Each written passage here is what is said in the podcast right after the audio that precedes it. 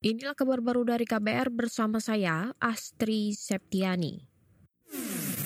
Kabar Pemilu Kabar Pemilu Komisi Pemilihan Umum atau KPU sudah mengantisipasi jika pemilu presiden 2024 berlangsung dua putaran.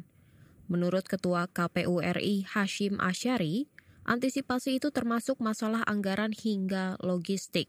Nah karena KPU ini sebagai pelaksana atau penyelenggara pemilu maka harus memprediksi harus men, apa, harus bukan memprediksi harus merencanakan situasi yang tidak bisa diprediksi. Kita nggak bisa tahu jadinya pasangan calonnya berapa. Kita nggak bisa tahu jadinya nanti ada ada situasi yang memenuhi syarat untuk pilpres putaran kedua atau tidak. Nah karena nggak bisa diprediksi maka KPU harus merencanakan supaya kalau situasi tersebut terpenuhi syaratnya untuk pilpres putaran kedua, segala sesuatunya sudah siap.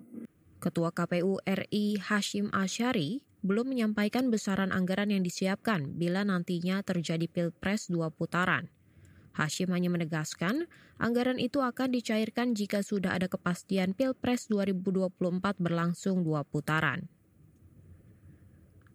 Saudara beralih ke informasi lain. Partai Demokrat besok malam akan mengumumkan dukungan resmi kepada Prabowo Subianto sebagai bakal calon presiden. Menurut anggota Dewan Pembina DPP Gerindra Andre Rosiade, pengumuman akan disampaikan usai rapat pimpinan nasional di Jakarta Convention Center.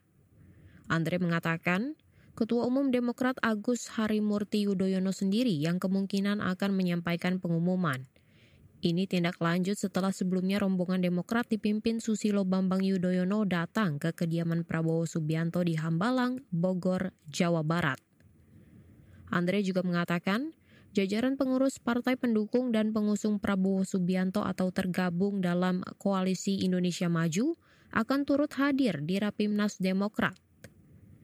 Partai-partai itu adalah Gerindra, PAN, Golkar, Gelora, PBB, Garuda, dan yang lainnya.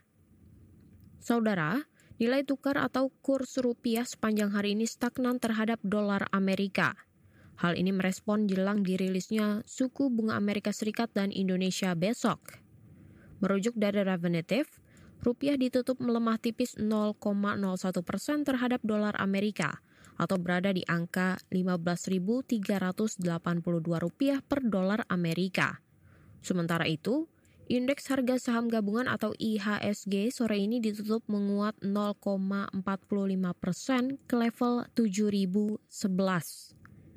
Penguatan IHSG disokong kenaikan 6 indeks sektoral, yaitu sektor barang konsumsi non-primer keuangan, transportasi, dan lokasi barang konsumsi primer teknologi dan sektor perindustrian. Inilah kabar baru dari KBR bersama saya, Astri Septiani.